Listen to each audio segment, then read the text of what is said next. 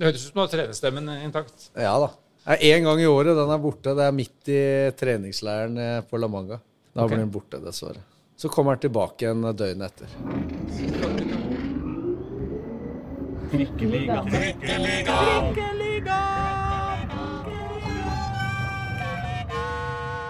Hei og hjertelig velkommen til Trikkeligaen, en podkast om eh, Oslo-fotball. I dag så har jeg, Håkon Thon, tatt med meg Reidar Solli opp i eh, Valhall Arena. For å, vi skal snakke nemlig om en av eh, Oslos mestvinnende fotballag. En eh, virkelig bauta i norsk kvinnefotball, som kom som en kanonkule på eh, 2000-tallet. Fem seriegull og fem cupgull ble det i løpet av bare seks sesonger.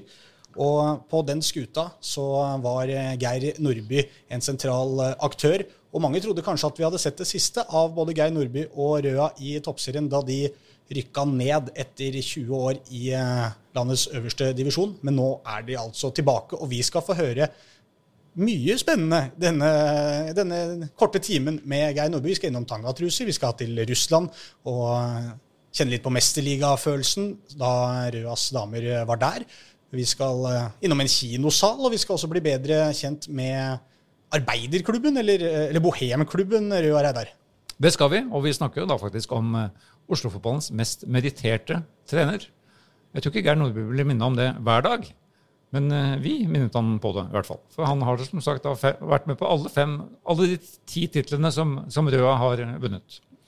Og han er kritisk til det nye seriesystemet. Han snakker om høydepunktet i Mesterligaen. Og han har jo en imponerende fartstid i toppfotballen. Ja, Hvordan kan man egentlig motivere seg til å holde på så lenge? Dette skal vi prøve å grave litt i, så her er det bare å eh, kose seg. Geir Nordby, veldig hyggelig at uh, du hadde tid til å stille opp her på Valhall. Uh, liten tid før uh, trening. Det er, eh, det er hektisk program nå eh, før eh, Røa skal entre toppserien igjen. Er du spent, og gleder du deg? Ja, altså først og fremst takk for eh, at jeg fikk eh, være med her. Det er spennende. Alltid gøy å prate i en mikrofon og med andre som er interessert i fotball. Og kvinnefotball må vi få fram, så det er veldig hyggelig at jeg er her. Det er eh, et hektisk liv. Det burde ha vært eh, 25 timer i døgnet, men eh, eh, vi får skvise ut eh, maks av det vi eh, kan av de 24. Og så gleder vi oss veldig til eh, sesongen 2022, for det vi har noe morsomt på gang, og ja, har brukt en del år nå på å bygge opp eh, kanskje et eh, potensielt storlag igjen. Vi får se.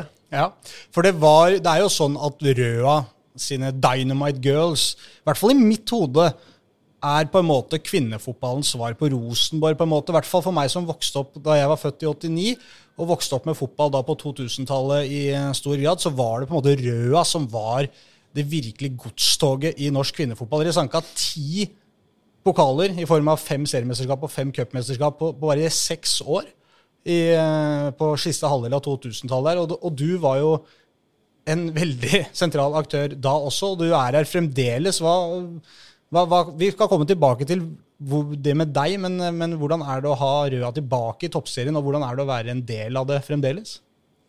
Nei, altså det har jo vært en uh, berg-og-dal-bane, selvfølgelig. Hvor uh, toppen, som du sier, er fantastisk uh, statistikk og innsikt du har. Det er bra. Kjempefin tiårsperiode, selvfølgelig, hvor vi endte oss opp i Champions League kvartfinale. En kamp i Russland hvor vi, greide 1-1 mot Svesta, for de som husker det. Så det er vel kanskje det det er toppen. Men eh, veldig gøy å være tilbake igjen. Eh, vi er litt annerledes fremstilt nå enn vi var på den tida. Eh, så det blir eh, spennende å se hva vi kan eh, eh, prestere eh, med både de eh, betingelsene vi har eh, i form av spillergruppe, og også de rammene vi har i forhold til de andre toppserielagene i, eh, i eh, Norge nå. For nå begynner det å eh, gå veldig bra for kvinnefotballen kvinnefotball eh, nasjonalt sett også. Jeg tar det jo som et godt tegn da, at vi står her faktisk midt, midt på dagen. Altså, Røa trener da i Valhall midt på dagen. Det overrasket eh, meg lite grann. Eh, de fleste lagene er jo da fortsatt på ettermiddag kveldstid. Ja, vi Men har eh, ja, hvordan får du til det? Nei, det er nesten så vi ikke får det til. Eh, så egenmeldingene har jeg brukt opp fra den jobben jeg egentlig har. Eh, men eh, det er klart, vi hadde ikke noe valg. Skal vi på en måte stabilisere oss i toppserien igjen, så må vi i hvert fall prøve å gjøre noe som ikke koster så mye penger. Det er jo å trene godt og prøve å få noe kvalitet rundt ting som som egentlig bare ligger der, men som vi må utnytte så godt som mulig. Eh, det er ikke så veldig rift om eh, innendørs nå på dagtid i Valhall, men det er fremdeles god kvalitet, i hvert fall på vinterstid. Så mm. noe må vi ofre, og det er en av de tingene vi må gjøre nå for å ja, kanskje ta det lille steget da, for å være stabilt uh, i toppserien. Det var jo første gang dere rykka ned, altså for, for, to år siden. Og dere gikk gjennom fjoråret ut, ut, uten tap. Jeg husker jeg snakka med deg etter at nedrykket var klart. Jeg tror du brukte, brukte et kvarter på å bestemme deg på å fortsette, eller eh, hvor lenge var du i tenkeboksen da? Nei, jeg eh, tror egentlig innerst inne at jeg ikke var i tenkeboksen i det hele tatt. Eh, det er klart at man eh, Det er jo som livet generelt. Du må liksom stå i opp- og nedturer. Det, det, er ikke bare sånn at du skal ha den derre kremen av fløten hele tida. Så for meg så var det jo ikke noe, det var ikke noe tema å forlate noe som eh, ikke funka så bra. Jeg eh, får heller eh, feie for egen dør og så prøve å krumme ryggen og så gjøre det så godt som mulig og få skuta på rett kjøl igjen. Og det har egentlig vært en veldig fin fjorårssesong. Og veldig god, deilig, ekte følelser i forhold til de prestasjonene vi har gjort. og og den målsetningen vi har greid å, å realisere da, i forhold mm. til å, å vinne førstedivisjon og rykke opp igjen. Men det handler litt om deg òg. Altså, vi har jo funnet ut at du er den mest mediterte treneren i Oslo-fotballen. Du har, eh, du har ti titler. Du har vært med på alle ti titlene. Mm. De første var det som assistent for Ole Bjørn Edner. Men Rød har, har, vel da etter min oppdeling hatt to trenere i, i, hele sin eksistens, også på kvinnefotball når de har vært i toppen. Det er mm. Ole Bjørn og deg. Mm. Men én um, ting er å komme inn i dette her i slutten av 90-tallet og oppleve det tiåret med suksess, og så står vi her i 2022 og så syns du dette er like, like moro. Det er en stayerevne som vi må høre litt mer om. Nei, men altså, det har ikke vært like moro. Uh, men det er uh, Altså, det er ingenting som er bare moro hele tida. Uh, det er nye mennesker, og det er, vi har med mennesker å gjøre. Det går på respekt, og det går på det å ha en følelse av å gjøre en eh, god jobb for noe, og gjøre liksom noe som du er veldig interessert i. Og da er det liksom ikke eh, greia hvor du er hen, eh, men da er det egentlig å, å gjøre så godt en kan eh, der hvor man er. Eh, og så har jeg vært eh, mange år i Røa, og det har egentlig berika meg hele tida. Og så har jeg fått noen bekreftelser på at jeg eh, bidrar. Eh, og så lenge jeg føler at jeg kan gjøre det, og jeg ser at jeg kan gjøre det, jeg hører at jeg kan gjøre det, så vil jeg gjerne gjøre det. Men du har jo da holdt med den trenerrøsten nå i mer enn 20 år. Hvordan holder du ved like, og stopper den aldri å fungere? Nei. Nei. Den, eh, altså Det er klart, vi, jeg har jo hatt mange eh, assistenter. Jeg har hatt eh, nye folk inn, både spillergruppa som, eh, og i sportslig apparat, som eh, har eh, sparra meg godt. Eh, og jeg har kunnet spare dem. og det har vært en veldig, veldig bra kombinasjon, egentlig. Og etter en god periode på, på hvor vi hadde flere titler, så så har egentlig hver eneste sesong vært en utfordring, eh, som har eh, også da utfordra meg i forhold til å Nå skal jeg vise at dette skal gå. Eh, så det har eh, egentlig vært eh, ikke så vanskelig. Men det har vært tungt. Men når, men når jeg, når jeg kikka på, på, deg her, så, så første, første, gang du dukker opp som assistenttrener, er i 1997. var så vidt jeg klarte å, å lese meg fram til under da Ole Bjørn Edner. 96, tror jeg var. 96, ok, Men det er uansett en veldig veldig lang periode du har sittet på trenerbenken til eh, Røa damer. Har det på en måte aldri falt deg inn i løpet av alle de åra at kanskje jeg skulle drevet med noe annet? Noe helt annet, kanskje, enn en eh, fotballtrener? Eller at det må ha tikka inn et og annet tilbud som har frista litt til å, til å forlate Røa, eller har det vært sånn at du, du vil bli her?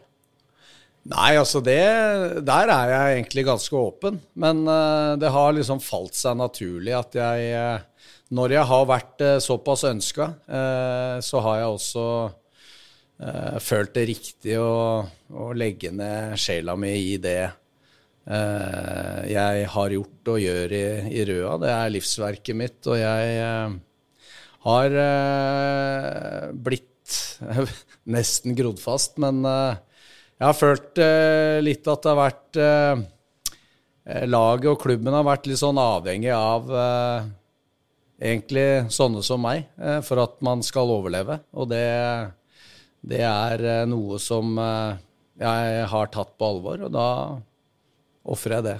Jeg, til, jeg ble litt imponert. Jeg så du la ut en, en, et lengre brev til, på Røas hjemmeside rett før jul. Da så det ut som hele 2022-sesongen var klar. Altså, Meste av spillerstallen var på plass.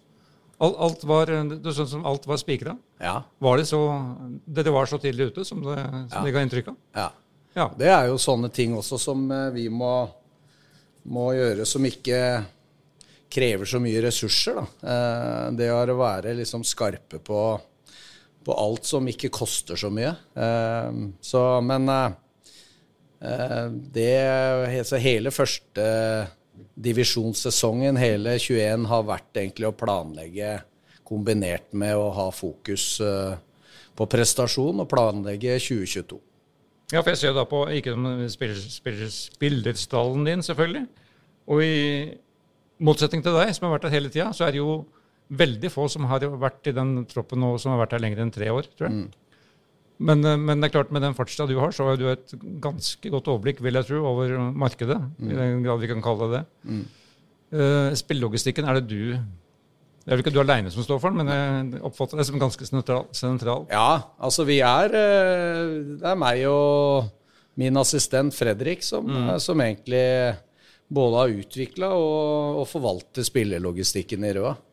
Uh, og, men det er klart, vi, vi har jo også gitt et godt signal ut, eh, spesielt mot yngre spillere. Vi får mange henvendelser, vi får mye gratis i forhold til å ha et godt eh, rykte om å eh, utvikle enkeltspillere. Og det, det gir jo oss mye også i forhold til det å kunne vurdere eh, interessenter som, som, henvender seg til oss. Eh, Istedenfor at jeg må bruke ekstremt mye tid på å henvende meg til hele markedet sjøl. Ja. Ja, for det Så det er en kombinasjon. opererer jo ganske stramt og lokalt sterkt marked, da, i og med at du har Lyn som nabo, og Stabæk og, og. Vålerenga her. Og, og så Stor-Oslo er jo liksom kjernepunktet i kvinnefotball. Ja, det er riktig. Men uh, jeg tror sånn som Vålerenga og Røa, vi opererer på litt ulike markeder. Eh, markedet til Vålerenga eh, består mer av skolerte spillere. Og mm. for vår del så blir det egentlig å prøve oss å skreddersy eh, og finne profiler ut fra de talentene som er i, på det vårt marked, eh, hvor eh, pengene ikke er så viktige ennå. Så vi er på et litt annet marked. Eh, så jeg har egentlig ikke opplevd så mye konkurranse mellom eh, oss, Vålerenga, Stabæk og Lyn, egentlig. Okay. Som eh, kanskje mange vil tro. Men det er jo et veldig godt tegn for kvinnefotballen generelt. At det vil jo si at det er såpass mange gode spillere at det faktisk er nok til å dekke behovet til alle disse, disse klubbene, da. Ja, altså Nå får jo tiden vise litt, da. Men uh, det er jo klart at den økonomiske biten nå er, blir jo veldig tydel, blir tydeligere. Uh, når du har Vålerenga, du har uh, Brann og du har Rosenborg, som begynner å få veldig mye større budsjetter enn eh, de fleste andre. Eh, det er jo klart at sånn som eh, Lyn, Stabæk og Røa, vi er liksom i den andre enden. Mm. Så alt er relativt i forhold til det du sier der. Ja.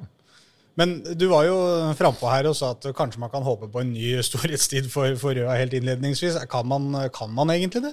Ja, det kan man. For det, det er jo ikke løsningen bare én vei til Rom her. Det er klart, En løsning er jo det å slå sammen eh, flere ressurser, så blir man jo sterkere.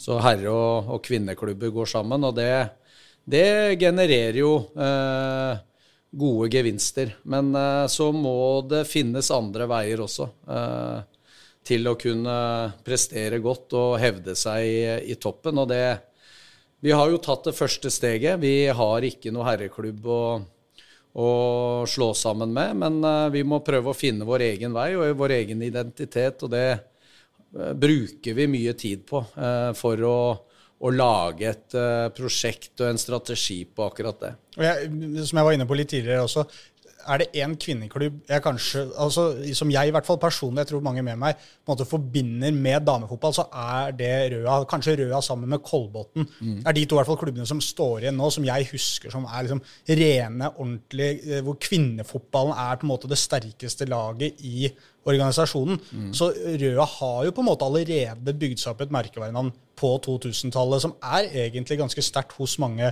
fotballinteresserte. Så mm. det du egentlig sier, er at man må prøve å bygge videre på det. at det, det å, det å, finne en samarbeidsklubb og seg. altså F.eks. at Røa og Lyn sine damer skulle begge gått inn under Lyn-paraplyen for å på en måte generert noe mer interesse og mer, mer trøkk derfra. Det, du ser på det som er viktig at Røa på en måte får fram sitt prosjekt, at det er en alternativ vei til disse andre sammenslåingene? Ja, og samtidig så kan det hende at vi finner eh, gode interesserte ressurser i eh, Røaland, altså på Oslo vest, som kan være villig til å både se litt sånn lokalt, det å løfte det lokale miljøet på Røa. Eh, det ligger mye ressurser på Oslo vest.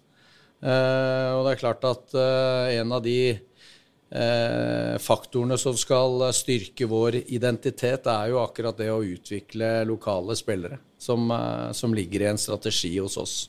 Så kan det også være noe som gjør at de vi utvikler, vil generere penger, økonomi, som vi kan leve på. Uh, og så har vi en kombinasjon at vi selger spillere, altså vi utvikler spillere, selger spillere og er stabile i uh, toppserien. Vi kommer ikke utenom familien Nordby, da. Mm. Den er jo ganske Søstera di, Siri, altså mm. den som har flest kamper for Røa. 362. 150 mål. Hun er en del yngre enn deg. Mm. er det å trene søsteren sin? Åssen det var Hvordan... å trene henne, det var eh, helt uproblematisk, egentlig. Jaha. Uh, vi, jeg var jo egentlig treneren hennes i Øvrevoll ballklubb, og det er jo min moderklubb. Uh, så helt fra hun var uh, mye mindre enn nå, så, så, var jeg jo treneren hennes. Så det, det falt egentlig bare naturlig derfra. Hun ble henta først i Røa, og så kom jeg etter, og da var det egentlig samme greia der. Så det å være søsken og trener utøver, det, det, var Det gikk helt uh, suverent. Men så er det jo litt fascinerende da med altså tilfeldigheten her med Ole Bjørn som da har en fortid som midtstopper til Vålerenga. Det er vel tilbake på 70-tallet, tror jeg. Mm. Men han kom jo da, starta dette laget, egentlig, mm. som ble kalt Fredagsjentene. Mm. Har jeg skjønt? Bare for at de fikk treningstid kun på fredager. Det er helt riktig. Og så hadde de med, med dattera si Kristine. Mm. Og da, som jeg skjønte, skjønte det riktig, altså de, de, vant jo da Norway Cup i, i 94. Og så var det motstand i Røa om at laget skulle meldes på i øverste liga for, for kvinnene. Mm. Men uh, dette var kanskje ikke du involvert i? Så, Nei, ikke før 96. Eh, Nei, nettopp. Uh, så, men dette hører jeg du kjenner til. ja, det, det, var åpenbart en trang start, men de kjempa seg gjennom lydmuren. Og ja. det er jo litt morsomt å se hvor man står nå. Da. Ja da med den, eh, den, basisen dere har. Absolutt. Det er en veldig spennende historie som, uh, som uh, ligger i Røa. Og det, altså det også bunner det liksom ut i at det er en, en av de rene på en måte kvinneklubbene som, som har overlevd ja. i, i 2022. Og det er jo ganske unikt, egentlig. Ja, for det er litt, nå, det er litt påfallende, som vi så vidt var innom da dere møtes og Brann i første serierunde, mm. som da er uh, egentlig Sandviken. Mm. Og så er det blitt, altså har uh, Setskog Hørland blitt Lillestrøm, og, og, liksom de store merkenavnene i gåseøynene. Trondheimsøren er blitt Rosenborg. Mm. Men i den verden skal Røa leve som sitt eget merkenavn. Som, mm. som uh, Hva skal vi kalle det? Ja, en uh, pioner. Bohem. Bohem. Bohemklubben Røa. ja. Det er jo faktisk, Jeg måtte jo inn i den aller lengste historien nå. Det er jo gammel AIF-klubb. I, I, motsetning til Vålerenga, faktisk. Akkurat. Vålerenga var en borgerlig klubb, mens uh, Røa, som da het De het jo da noe, noe annet. De het Rød Sportsforening. Det var i AIF fra 1929 til AIF gikk inn i NIF ja, ja. etter krigen. Interessant. Interessant, morsom, ja. morsom historie. Absolutt for de som sier at uh, Røa hele tida liksom er såkalt beste vestkant. Mm. Det er jo geografisk, men de har en uh, fascinerende historie. Ja. Det må du ta med deg inn til spillergruppa. Ja, Det er helt, uh, helt klart. Vi har jo også en, en mister Røa som heter Are Isaksen i, i rundt laget. så han er jo på hver eneste trening, okay. riktignok på Røa. Han er jo han nærmer seg 85, så det okay. men, Han drar ikke ned hit? Han, han, kan helt sikkert den historien der. Nå må vi høre sånn. Ja. Men det, jo, men, men det, er jo, litt uh, interessant akkurat det der også, den, den, det Røa-laget på en måte da som, som uh, jeg, jeg, leste her at det, det kom en bok til, uh, til 2000-årsjubileet til Røa hvor ikke kvinnefotballen var nevnt i det hele tatt. og det skal sies at da var man jo på en måte, Selv om man begynte midt på 80-tallet, med, med, dette her, så, så, så, var man på en måte ganske langt ute i periferien på en måte innad selv i eget idrettslag. på en måte Hvor står Røa der nå, når man rykker opp for, for andre gang da, til øverste nivå? Ja, så vi, vi, merker jo at eh, klubben uh, syns at dette er uh, stas. Uh, og det er klart at uh, det settes pris på, det å ha toppfotball i, i Røa. uavhengig av kjønn. så Altså, det har jo blitt en veldig, veldig boost for idrettslaget. Spesielt på jentesida i forhold til rekruttering og antall aktive på, på jentesida som spiller fotball. Det er jo klart at det er en veldig boost for, for alle i området å ha et toppserielag. Mm. Men også for de på, på guttesida som syns dette er like gøy, å komme og se og spille. Vi var jo over 500 stykker som var og så på da opprykkskampen mot Åsane i fjor. og det var jo nesten hele klubben til stede, og det var innmari kult. Så det settes pris på. Det er blitt en veldig dreining i forhold til at i Røa så er i hvert fall alle fotballspillere på lik linje. Eh, jeg registrerer jo både internasjonalt, men også dessverre nasjonalt, at eh, det er store forskjeller på, på herre- og kvinnefotballen i forhold til hvordan oppfatningen er, hvordan eh, de beste eh, behandles veldig ulikt. Så det er nesten en skandale, spør du meg. Hva, hva, I 2022. hva tenker du da på, på forskjellsbehandling? Nei, altså det, Hvis man går litt inn i dybden på på hvem som får hva. Eh, det å verdsette eh, Så ligger det veldig sånn i, i margen eh, i norsk fotball at menn er, er mye mer verdt enn det kvinnene er i fotball. Ja. Ja. Og det er veldig, veldig synd. Ja. Men det er i ferd med å skje nå, vil mange påstå. Det tror jeg de fleste vil påstå. Ja, det tror jeg de fleste vil påstå. Ja.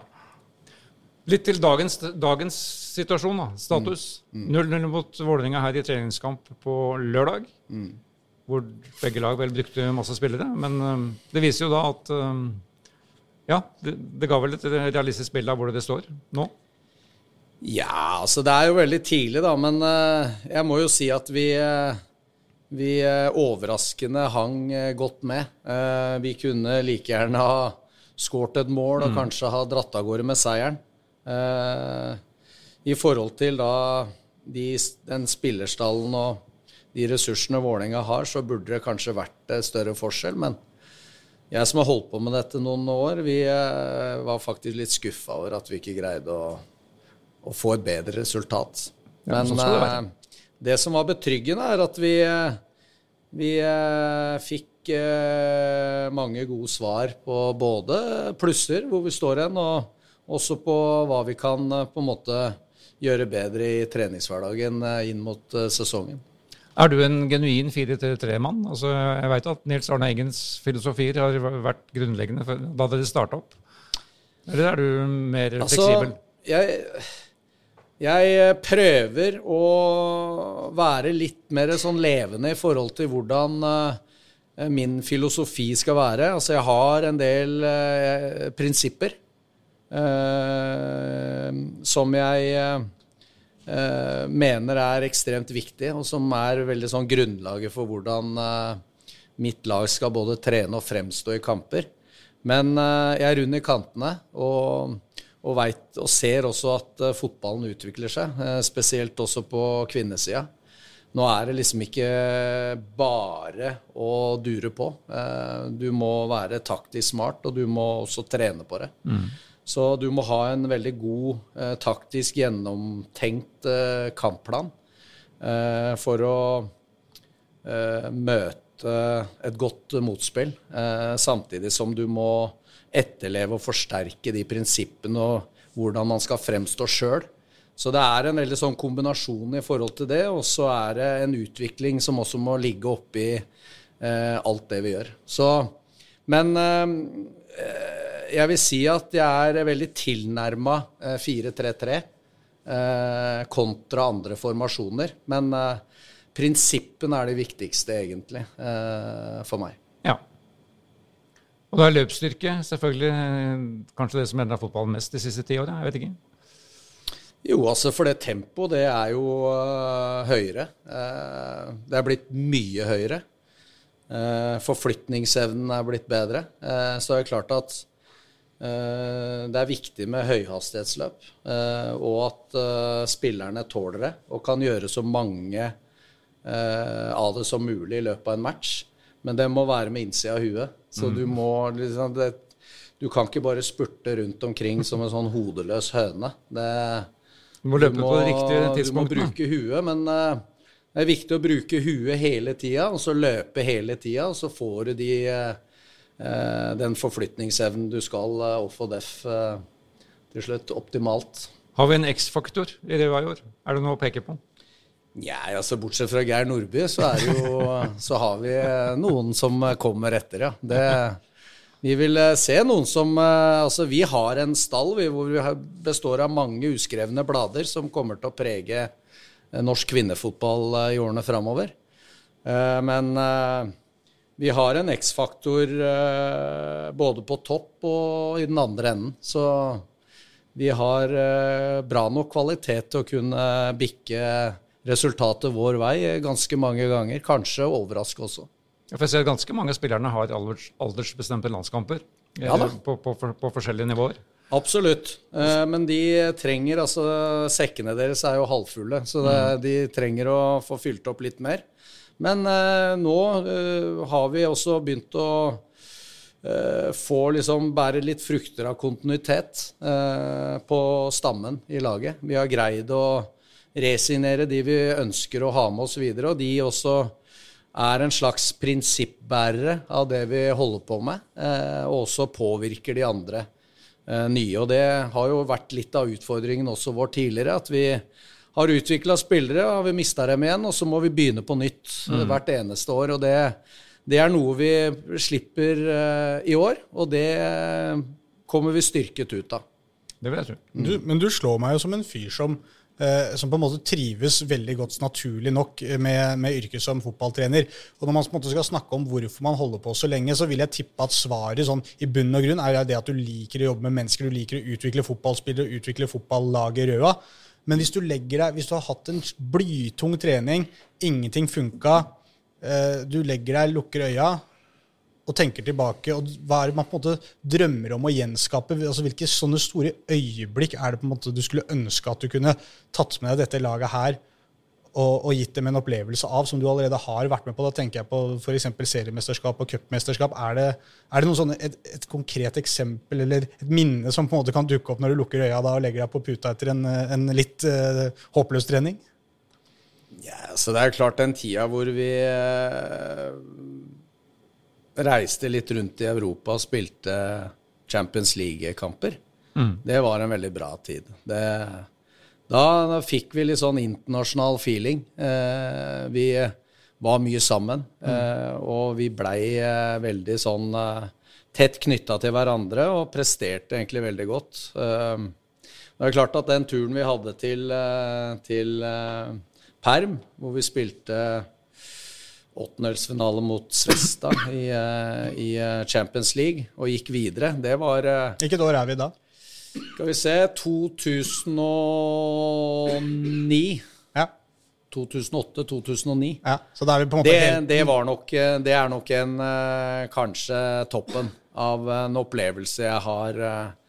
Vi var jo Vi greide 0-0 hjemme. Eh, Dette var jo et russisk profesjonelt lag. lag. eh, Som eh, presterte godt eh, Har prestert godt eh, med- i eh, flere Europacup. Det var vel første året det var Champions League. ja. Så tidligere het jo Europacupen. Eh, Men eh, der oppe i litt sånn snø, føyk, og det lå ikke helt til rette for at vi skulle eh, greie dette. Jeg hadde liten tru. Men de skøyt i tverleggeren, stanga. Vi slurva inn et mål, eh, eller sånn klynge, og det ble 1-1. Vi gikk videre på ett bortemål. Det var en insane eh, opplevelse, altså. For det må jeg si. For da, da er det jo noe med hele, hele pakka her, med at man er på tur sammen, blir kjent med hverandre Ja. på en, kanskje en litt annen måte, og så får du en sånn opplevelse, som du sier, mot et, mot et helproft lag fra Russland i første året av det som da kalles Champions League, og man går videre i tillegg med utgangspunkt om, som du sier, at eh, vi kanskje ikke egentlig helt hadde trua på det. Nei, det var eh, det, det er jo sånne opplevelser som liksom Du tror ikke helt det vil skje, og så skjer det, liksom. Det er sikkert litt som Glenn Solberg med, Ja. med det svenske landslaget i håndball, men det var eh, flere tusen på tribunen, og det var eh, tilskuere som kasta snøballer på oss, og vi var i Russland, og det var mørkt og kaldt. Så det, det var en sånn eh, Hele ramma var liksom bare Da fikk jeg litt gåsehud, faktisk. Ja, ja, ja. Det, fordi det er noe å tenke på det derre der lille Du tenker røa, lille røa i norsk sammenheng, Ja. og så lille røa i enda større omgivelser i svære Russland, på en måte, i en sånn setting. Ja, det var, det var helt uh, Det går for at de, de tok det for gitt at de skulle ta dere? jeg. De var nok ganske sikre på det. Eh, det var de. Eh, de hadde jo en sånn, eh, de har jo en sånn eh, skikk etter kamper at de inviterer da motstanderens trenere og apparat opp i De hadde en sånn egen bar i den eh, Ja, ja. stadion. Så da, da blei det en del sånne små glass. Det er tradisjon for det. Jeg trodde det var vann, ja, men det var ganske godt. Ja, ja. Du drikker lite vann i Russland. Nei, ja, altså det, det var i hvert fall en veldig hyggelig tur eh, tilbake igjen til hotellet og på hotellet og på vei hjem. Så det var, eh, det var helt strålende. Det, det er noe jeg aldri kommer til å, å glemme. Men ellers så er, er det liksom akkurat dette med det å ha den følelsen av å at vi er liksom en, eh, en gruppe mennesker som eh, ønsker å prestere, eh, kombinert med det at jeg ser vi løfter hverandre og sånn, Det er det jeg Jeg trives jo best på feltet. Ja, det var det jeg innleda med. at jeg, jeg, jeg tror jo du er en fyr som på en måte trives med hverdagen som fotballtrener, og det, det der langsiktige byggverket. Men, men det, er ikke, det er morsommere å høre om, om turene til Russland, på en måte. Absolutt. uh, men så har jeg liksom erfart at det å på en måte få resultater, det er uh, det er det som skjer på feltet, da. Ikke sant? Det er den praten du tar ekstra med den spilleren der og da, eh, osv., osv. Det er alle de detaljene. Det er summen av dette som gir et resultat. Så du må være ekstremt på eh, i nuet hele tida. Men det er vel akkurat det som gjør disse store øyeblikkene så store. At det er alle disse detaljene og alle disse samtalene og all den jobben og alle de regnværsdagene som summeres opp. og på en måte, Ja, vi gjorde det riktig, for her står vi med det beviselige faktum i hånda at vi har løfta et eh, trofé, eller vi har gått videre i, i Champions League. da. Ja. Og da kan man plutselig finne på å løpe rundt i tangatruse, f.eks. Ja, Ja. Det, I en sånn type rus så Kan kan man finne på hva som helst. Faktisk. Ja. For det var da på Ullevål stadion etter en av de mange cupfinalene dine. Ja. Ja. Det var det. og Var det, det- spo- Hvor spontant, hvor, hvor spontant kom den? Ja, Hvis det er veldig spontant, hvis det er sånn at han alltid går i tangatruse, mener du? At det bare var å ta av seg? At han ikke hadde planlagt dette på Så jeg må bare si at en tangatruse, det skal jeg aldri gå igjen. For Av estetiske årsaker, eller av- Bak i, i rumpa, for å si det rett ut. Den strikken der, den var jo ganske irriterende. Men dette var jo egentlig et veddemål som var litt sånn utenkelig.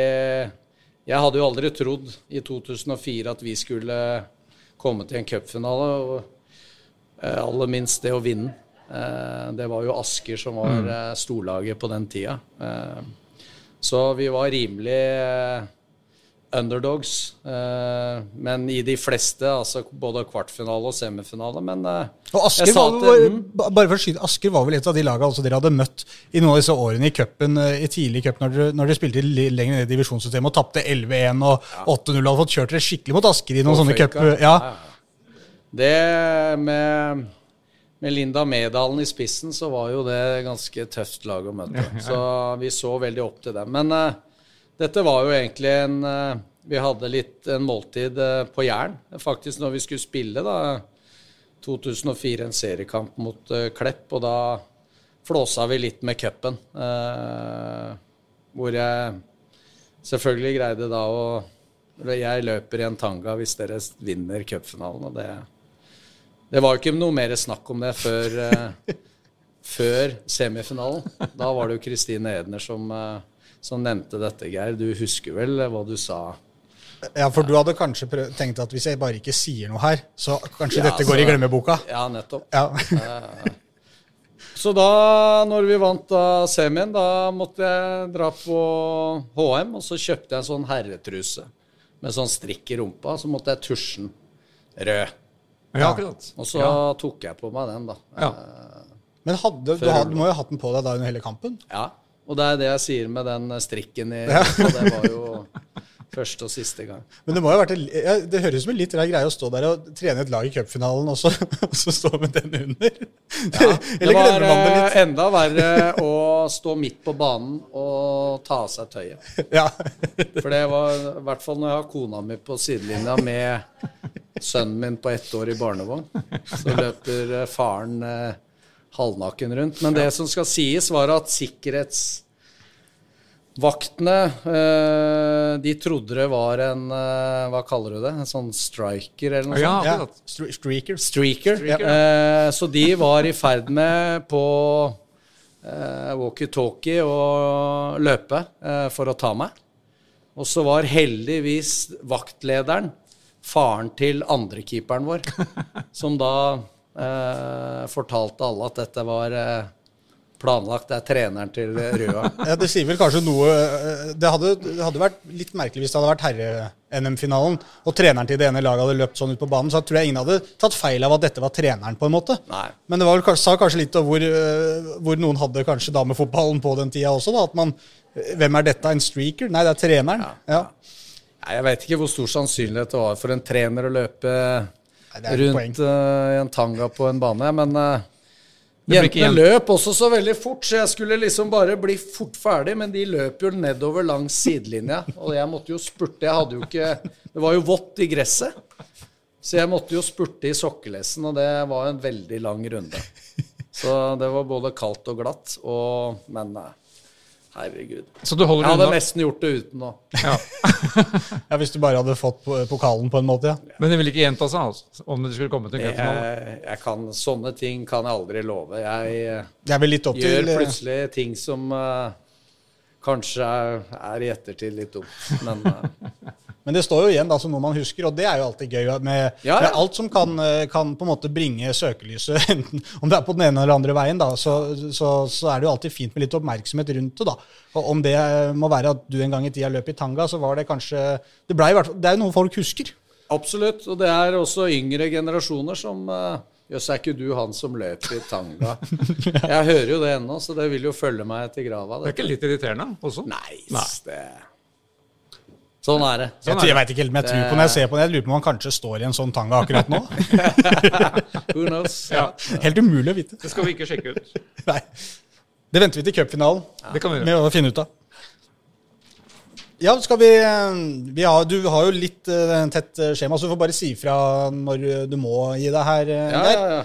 Men, uh, men, hvis du har litt tid til, så, så, kanskje vi skal ta enda litt mer om For nå skal du ut her og, og ha en trening hvert øyeblikk. Mm. Og, det begynner å nærme seg sesongstart. Og, og som du sier, uh, du har trua på at man er på gang igjen, på gang igjen litt nå med Røa. Mm. Jeg hva, hva, hva, hva, er liksom på en måte realistisk av oss som står litt på utsida her, å kunne forvente av dere i år? Er det på en måte en, det, det, å legge et par av disse andre, Stabæk, Lyn og disse bak seg, eller kan, kan man på en måte utfordre enda høyere så tidlig? det er et sluttspill det er snakk om her, for første gang i historien? Ja da. Eh, jeg tror nok eh, kanskje det sluttspillet kommer litt tidlig på, men eh,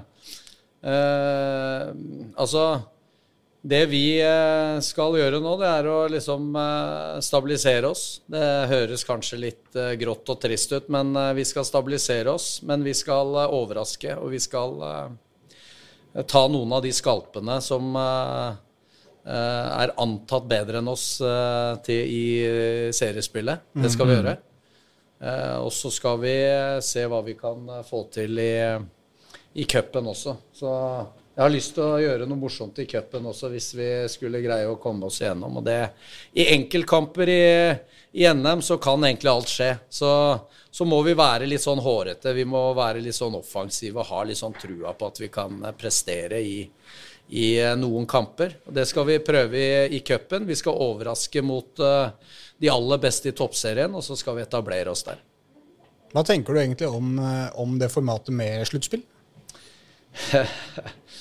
Ja, altså jeg eh, har veldig blanda følelser. Jeg, jeg, har ikke vært den som har vært uh, veldig sånn uh, fan av det uh, helt fra starten. Jeg Altså, litt av faren nå er vel at det kan ende opp med, hvis det blir et veldig sånn tidlig markant skille med mm. de fire øverste, så blir det veldig mange treningskamper ja. gjennom en sesong, og det tror jeg ikke er like heldig. Jeg er jo grunnleggende skeptisk til end alle endringer i fotball, og ikke minst en, en tabell som man skal kunne følge fra A til Å. Her er det en tabell som da splittes opp og deles med førstedivisjonstabellen ute på høsten.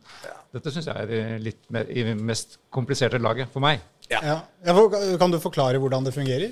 Nei, det kan Geir Nordby gjøre. For han er jo Jeg kan opp. forklare i hvert fall lite grann. Det er jo at uh, etter endt hvor vi har spilt mot hverandre, så vil det jo være de fire beste lagene. De går til et sluttspill på høsten. Mm. De får med seg noen bonuspoeng. Mm. Eh, og så vil eh, femteplassen og ned gå inn i en gruppe med første- og andreplass i, i førstedivisjon. Så spiller man da om plasseringer og opp- og nedrykk. Ja. Hvor de to nederste Men da begynner alle de lagene med null poeng. Ja. Så hvis man på en måte ser at den fjerdeplassen eller de fire øverste plassene er uh, umulig å ta, ja. så kan man uh, egentlig gi litt F i den, uh, de resterende kampene før egentlig det begynner å dra seg til på den, høsten. Og Der er den logiske svikten for meg. Altså, ja. Sluttabellen vil du aldri få et altså, Den vil ikke gjenspeile sesongen. på et vis. Og jeg er jo også veldig sånn fan av at øverste divisjon skal liksom gjenspeile hele Norge. Mm. Eh, altså jeg ønsker at eh, det skal være klubber fra, fra, nord til sør, øst til vest i, i toppserien. For det, det, har jeg veldig trua på, at det blir spredd utover. Nå blir det plutselig veldig sånn sentrert om fire lag. Og det veit jeg ikke helt om jeg er like heldig. Nei. Vi står ved noe helt annet, men Røa har så mange idretter og mange utøvere. Oli Beijing starter uh, nå hvert øyeblikk, og Rød er selvfølgelig med der også. Andrew Mushgrave er jo i langrenn for Storbritannia. Og så ser jeg Karstein Johaug er i klubben deres. Han går riktignok ikke i OL, men han går i navneturen. Når får vi se søstera hans uh, i spille fotball? Hun har en fortid som fotballspiller òg. Ja, det... Du, har kanskje ikke tenkt så mye på det? Nei, jeg, jeg, det var interessante Uh, interessant informasjon du gir meg her. Ja, et lite Men uh, Musgrave uh, sammen med Sundby visste jeg var i, ja. i, i Røa. men ja de som skifter idretter, det kan jeg ikke egentlig svare så mye på. Men uh, Røa har jo også, ikke sant, altså med uh, Dynamite Girls og også Olav Hansson, som uh, i sin tid uh, stilhopperen uh, framfor noen, var jo også i klubben. Så vi har hatt noen, uh, noen uh, bra navn i Og vi har mange gode navn i, i Røa. Det tror jeg vi fortsetter, uh, uavhengig av idrett. Jeg fant jo også ut at jeg snakka med faren din en rekke ganger, for han var jo renleder i Holmenkollen i årevis. Ja da.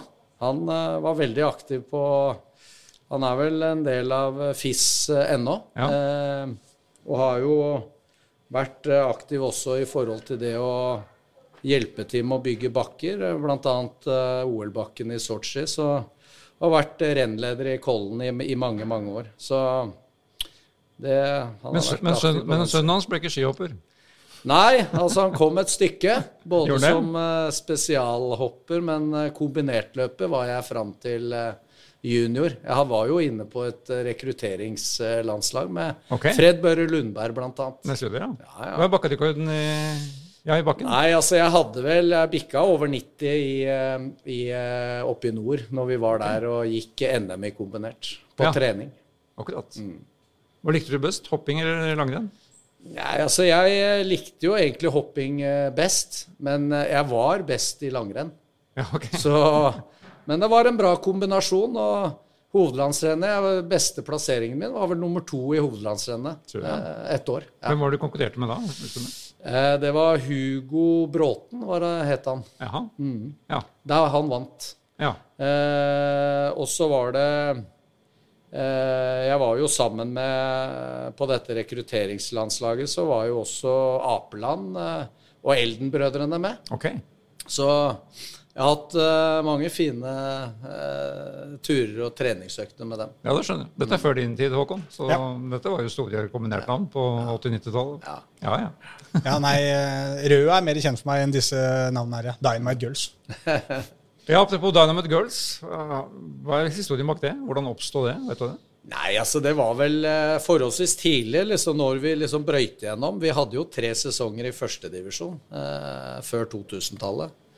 Og så rykka vi opp, og i den eh, prosessen der så engasjerte vi to eh, eh, eh, unggutter i, eh, som spilte også for herrelaget. Vi hadde okay. jo et veldig godt eh, samarbeid med herrelaget på den tiden. Ja. Hvor spillere Altså var, de var i samme miljø. ja. Eh, hvor, vi, eh, hvor de utvikla liksom eh, vi, eh, dette med hvordan skal vi liksom eh, få en merkevare, hvordan skal vi lage et, eh, noe med trøkket. Og det, ut ifra det så endte det opp med DG. ja. Ja, men det har blitt etablert, det, da. Ja, ja. Men bruker man fortsatt eh, herrelaget på noe vis? eh, altså Er det noe av det samme i dag? Du sa det Nei. var mange av disse herrespillerne som blant annet var kanskje på denne kamp, opprykkskampen i fjor, blant annet. Altså, tidligere så, så var det jo sånn at eh, de var av samme alder. Altså de som spilte på damelag, Kristine Edner og eh, Siri, de var jevnaldrende med de som spilte på herrelaget. Så det var et eh, ekstremt tett og godt miljø eh, hvor de i hverdagen var sammen. Og det var nok også en veldig god eh, eh, Bra fordel i forhold til det å utvikle hverandre. Og ikke minst en gevinst for, eh, for, eh, for jentene på den tida. Hvor er, hvor er herrelaget til Røa i dag? De hadde for en to-tre sesonger siden så var de og smakte litt på opprykk til annendivisjon. Ja, Nå ok, er de, tror jeg, i femte. Fjerde, femte. Okay. Så de satser egentlig litt på å rykke opp til fjerdedivisjon. ja. Men det går litt sånn opp og ned. Ja da. Ja. De ligger i det, i det sjiktet der. ja, ja. Så Røa kvinneslag Dynamite Girls er kongen på haugen i Røa, og skal være. Eh, hvem, hvem er din favoritt i år til å vinne ligaen? Har du sett noen av de andre lagene nå? Nei, altså Jeg kommer nok til å bli veldig overraska hvis ikke Brann vinner. Og hvis ikke Rosenborg blir nummer to. Og så tenker jeg at uh, det er ganske åpent, uh, egentlig, av tredje, fjerde, femte, sjetteplassen. Da passer det da med en skrell i første serieomgang. da. Ja. Og toppserien er jo faktisk den ligaen som startet først i år, Ja. av alle. ja. Så dette har jeg tenkt på siden terminlista kom. så dette gleder jeg meg til. Det gjør vi òg. Ja, vi gjør det. Eh, Jeg vet ikke Jeg bare jeg tenkte på én liten sma- eh, morsom ting som jeg skulle spørre deg om. For det var bare at jeg stussa på det da jeg leste. Og det var da dere rykka opp da Var det i 2000? Eh, At det, den sesongen så skulle man endre altså hele seriesystemet. altså Da skulle man få toppserien, sånn at det var bare to lag som egentlig overlevde. altså Førsteplassen i første, på nest øverste nivå ville rykke opp, andre ville hold, få en plass i nest øverste nivå, mens de andre ville på en måte rykke ned, for da var det noen sånne avdelinger i dette her. Og da sto, de, eh, da sto opprykket mellom Røa og VIF, sto det. Ok. Men jeg stussa litt på for jeg tenkte sånn VIF Jeg har ikke egentlig aldri hørt om damelaget til, til VIF, men kan du ha noe erindring av dette? Eller er det et annet lag som kan ha betegnelsen VIF? Er det, er det Våler? Nei, det var et eh, godt spørsmål. Jeg eh, er faktisk litt usikker på det sjøl. ja, for dette sto bare på Wikipedia-sida om Ja. Røas kvinnelag, som jeg eh, bladde meg gjennom her. Altså, vi rykka vel eh, Altså, jeg tror nok vi, uavhengig av Vålerenga på den tiden, lå vi litt foran eh, dem. eh, I forhold til opprykk, og de eh, brukte vel litt lengre tid på å komme seg opp i toppserien enn det vi gjorde eh, på den tida. Ja, for jeg føler at Vålerenga er jo Så- sånn sett et ganske ferskt lag ja. på toppserienivå. Men dette var jo da på nest øverste nivå. da. Ja. Og om dere da vant den, så rykka dere opp, som så dere gjorde. Mm. Mens hvis de da ble nummer to, så fikk jo de en plass i første divisjon. Men dette var bare en liten avsporing, bare fordi jeg lurte på det. Om vi kanskje kunne få oppklart det. Her skal vi gjøre Det det vi research, så dette skal vi finne ut av. Dette kan vi prøve å finne ut av. Samtidig som jeg skal finne ut av hvilke kinoer som gikk da Røa drev egen kino. Ja. Fra 1952 Ja. til kinoen brant i 1981. Ja. Det var en inntektskilde for Røa den gangen. Ja. Er det noe det starter? Ja, altså nå eh, trener, har vi inne, innendørs eh, fotball der eh, i, i det mm, kinoen der. I kinosalen? Ja. Ok. Så den har blitt bygd opp til hall. Ok. En bitte liten eh, heller li. Den er, eh, det er sånn du kan spille fire mot fire. Eh, ja. Ja. Så det er en eh, liten sånn uh, flerbrukshall blitt det. Ok. Men det var idrettslagets egen kinosal. Ja. Ja. Betydelig inntekts, inntektskilde på 50-tallet. har hatt litt alternative inntektskilder i Røa. Hadde jo lodda vel ut noen dates en gang i tida også med noen av spillerne. Ja, ja, ja. ja. for å få inn noe, noe sårt tenkte kroner. Så man, man er vant til å se alternative veier. Ja da, eh, det må man jo prøve å, å jobbe med hele tida. Og finne de eh, veiene som kan eh, gi oss litt eh, mynt i kassa. Er det noen, er det, kommer det noen artige, artige påfunn eh, nå? for å prøve å Det jobbes med saken. Ja. Vi har en uh, kreativ gruppe rundt uh, akkurat dette. Så det Jeg blir ikke overraska hvis det kommer noen gode ideer og forslag på, på hvordan vi skal uh, få, gjøre oss enda mer attraktive, men få inn litt mer penger også. Ja, Men ja. det er mer, større, bedre økonomisk rusta nå enn for 10-12 år siden? Som jeg skjønner. Vi eh, Altså, alt har jo på en måte utvikla seg. Eh, men eh, altså, når vi var på vår eh, i storhetstiden, så tror jeg vi hadde på den tiden mer eh, å rutte med enn vi har i dag. Ok. Sammenlignet med det som eh, ellers er normalt. ok. Ja. Så vi ligger ganske langt etter snittet, eh, rent sånn budsjettmessig, i toppserien, enn enn det vi gjorde før i tida. Ok. Ja. Men budsjett avgjør ikke ligaen. Nei, heldigvis. Heldigvis. Nei, men det er klart, når det begynner å rulle inn eh, mange, mange millioner, så begynner det å påvirke litt mer enn eh, det man, i hvert fall de fattige, håper på. Da. Ja. Men eh, det, vi, det skal spilles, og vi skal trene godt, vi. Så det er på banen det avgjøres. Trene godt, og da må vi kanskje slippe Geir her, hvis du skal få tid til å, til å Det skal vi gjøre. trene på det, øve på det dere trenger å øve på før uh... Trikkeligaen følger jo også toppserien, så vi kommer til å være hyppig på Røa utover sesongen. Strålende. Det er jo andre sending, sending på rad. Vi, har vi hadde Guro Pettersen her som gjest forrige, i forrige uke. Det er fantastisk. Så dette, er, dette blir moro. Ja, veldig hyggelig, Geir, at Ja. eh, vi fikk lov til å ta en prat med oss. Men lykke til med, med dine Dynamite uh, Girls. Vi gleder oss til å se både deg og eh, jentene dine på matta denne sesongen.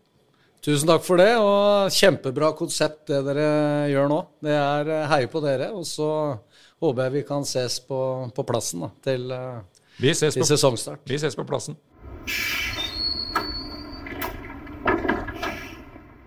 Ok, Reidar, da må vi rett og slett bare rulle i gang. For det har jo, det har jo vært kamper, treningskamper. Nå begynner det å nærme seg eh, alvoret. begynner å nærme seg. Man begynner å kjenne litt på det når disse første treningskampene blir, eh, blir spilt. Vi merker eh, at interessen bobler med en gang, med en gang et, et, lag tas ut. Så det er noe med det. Altså bare, en, bare den første lagoppstillingen er jo Det er jo elleve nyheter, bare, bare det. Ja. Og da stilte jo nå de fleste lagene med to lag i disse to omgangene, så det ble jo nesten 22 spillere på hvert eneste lag. Da ble det ekstra, ek, ekstra mye krydder. Så det starta jo da på, på lørdag, hvor, hvor Vålinga og Røa spilte her, her, her, oppe på Valle. Da er vi i, i damefotballverden selvfølgelig. Dette snakka vi jo med Geir litt om ja, også. Så det, dette snakket vi med Geir om, så den skal vi la ligge. Det endte jo 0-0. men ja. viser jo da at uh, Vålinga har langt igjen til, til, det nivået de har vært på. Eventuelt har Røa kommet et godt stykke på vei. Eh, ja, det er en kombinasjon. Og, men det er klart opplagt at Vålerenga mangler en del kvalitet i laget sitt per i dag, som de har hatt de to siste sesongene. Men dette jobber de jo med hver dag. Det er, ikke, det er ikke, den elveren som Eller det, alle de spillerne som var med her. Det kan komme inn øh, kanskje noe enda nyere. Det kan det gjøre. Men, men, samtidig er jo da toppserien den ligaen som er øh, kortest unna seriestart. fordi Pga. EM-sluttspillet i England til sommeren, så, møt, så begynner den ligaen allerede i midten av mars. Bare å glede seg. Dit går det fort.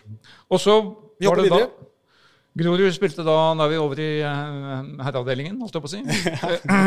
Med Finn Bjelke og Jan Friis? Ne nemlig.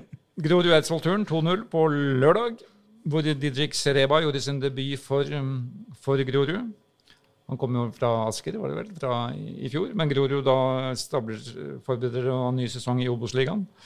Josias Furaha ble mm -hmm. da den ene målskåreren, mens det var selvmål som da ga den 2-0-seieren. Ja. Men Grorud var fornøyd med, med, det de så. Og som sagt, første seriekamp. Mange spillere i aksjon. Så de, de var fornøyd ingen grunn til noe annet når man uh, vinner, en, uh, vinner, en, fotballkamp. Da skal man være fornøyd.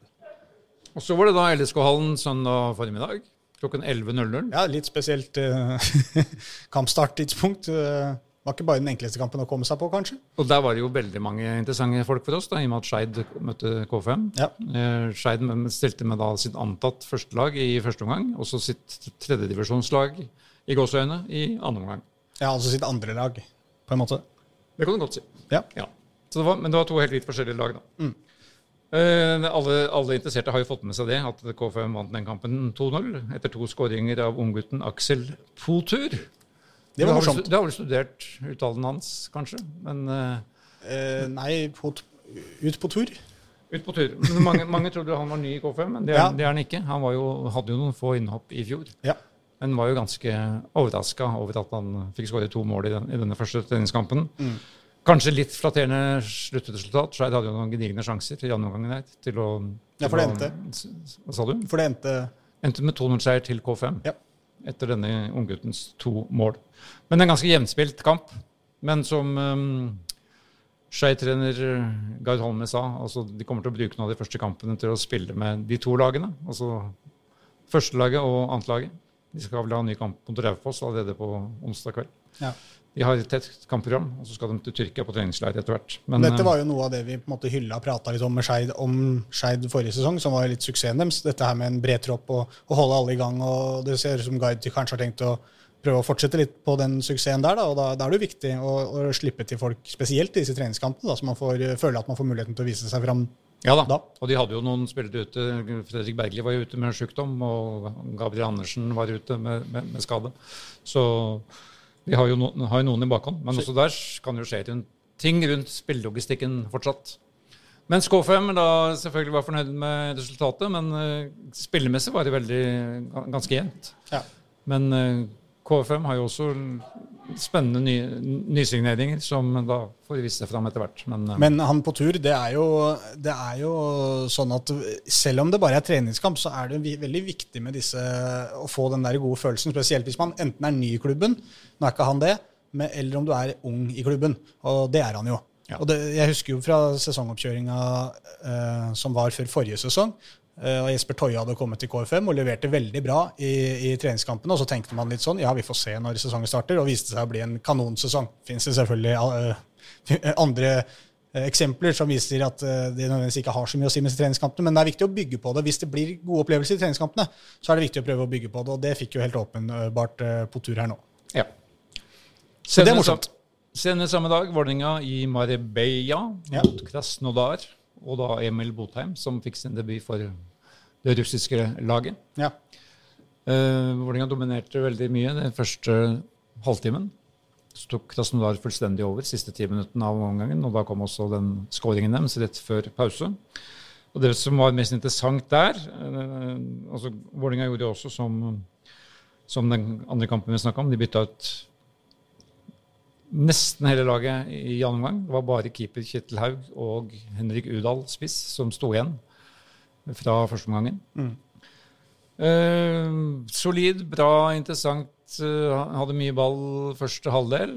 Mest bemerkelsesverdig var jo da at de kjører Odin Tiago Holm inn i en ny rolle som anker på, på midtbanen. Så han spilte hele første omgangen der. Og det fungerte greit, kanskje? Det fungerte greit, men øh, jeg snakka jo med Dag Eile Fagermo dagen etter i, i går, ja. Og mm, han er jo mest, mest opptatt av å få utnytte hans positive Nei, hans øh, opp? Offensive. Offensive egenskaper. Ja. Fordi alt handler om å skape flere sjanser, og ikke minst sette dem for, for VIF. Eh, De må, de må utvikle det offensive spillet sitt. Han var fornøyd med det defensive. Tre, alle de tre innkjøpene var jo med fra start. Vegard Eggen Heggenstad på, på bekken. Og islendingen Bjarnason på en i midtstopperplassen. Eh, og Petter Strand på midten fra Brann. Hvordan eh, Som er en løpsmaskin, som, eller en ballvinner, da, som de, skal, eh, som de ser i Petter Dahl. For vi andre skjønner ikke helt hvor han skal spille, men han spilte da på venstrekant på midtbanen her i, i første omgang. Hvordan klarte de seg, disse nye? Hvordan de klarte seg helt greit. Islendingen på stoppeplass, veldig sånn ro i spillet sitt. Eh, God teknisk med ball. Og virka veldig trygg i måten han opptro på. Mm. Og så var det interessant lite fenomen at Ivan Nesberg var kaptein. Ja. Spilleren som kanskje mange tror er på vei ut, og som kanskje ser som noe annet. Men uh, som Fagermo har sagt til oss før, han skal ikke straffe i gåseøynene Nesberg for at han uh, kanskje vil forlate klubben etter hvert. Nei. Så han fikk tillit fra fra start der. Uh, Med bindene på armen. Hva sa de? Ja, med bindene på armen. Med bindene på armen. Ja. Nærmest Henrik Udal er vel fortsatt litt bitter. Han hadde en, to store sjanser, og den ene satte han i stanga. Da burde han nok skåra, hadde ganske god tid. Men um, det kan han jo rette opp. Ellers var det jo da Sidi Jatta som hadde den største sjansen, og den, vel den eneste sjansen til VIF før pause. Men de forflytter seg da til Portugal denne uka her og skal møte Brøndby på fredag. Der ikke minst Trykkeligaens utsendte reportere er på plass. Selvfølgelig. Selvfølgelig. Så mm, det blir mye VIF-VIF fremover. Både i og utenfor Dagsavisen. Bra. Det var en oppdatering på hvordan eh, det gikk i treningskampene denne helga her. Fotballen, eh, ja. Bare så vidt, jeg glemte jeg måtte, må jo nevne at Ullern og Frigg, våre to nyopprykka andredivisjonslag, Ja. de møttes jo da på lørdag også, på, på Ullernbanen. Ullern, Ullern vant hele 4-0. Det ga ikke helt bilde av eh, kampen, Nei. men, eh, men viser at eh, Ja, som du sier, det sies at resultater i treningskampen ikke betyr noe, men, men det er jo feil. Altså, det ga jo Ullern et lite boost og veldig god følelse videre, mens Frigg skapte sjanser til å skåre, men satte dem ikke. Det er vel det er litt jeg var inne på i stad også. Hvis du får noen gode opplevelser i disse treningskampene, så er det veldig viktig å prøve å bygge på dem. Hvis de er dårlige, så er det bare en treningskamp. Det er bare å glemme. Og som Ulrik Ferri sa til oss, han, Frigg er bare trent i to uker. Ja. Alle er ikke helt tilbake ennå, men um, Frigg kommer. Men likevel litt, litt sånn prestisje i det, med at du har liksom to, to klubber som rykka opp og skal møtes uh, neste sesong, så har det jo litt, litt mer å si enn bare en vanlig treningskamp, for å si det sånn. da. Ja. Litt sånn som Koffa Skeid også. Føles liksom at det betyr litt mer den enn, enn, enn den vi var inne på Grorud Eidsvoll, f.eks. Ja. Så, så det har jo litt å si. Og det var Ullern som fikk, eh, fikk oppleve å ta første eh, Kanskje ikke kalle det stikk, men de fikk i hvert fall en god opplevelse da, mot eh, sine rivaler fra, fra Majorstua. Riktig. Skal vi si at det var uh, en kjapp og grei uh, oppdatering denne gang? Vi vender tilbake vi om en uke sannsynligvis, med kanskje en spennende gjest. Det kan fort skje. Det får bare følge med, og så ser vi. Ha det! Ha det.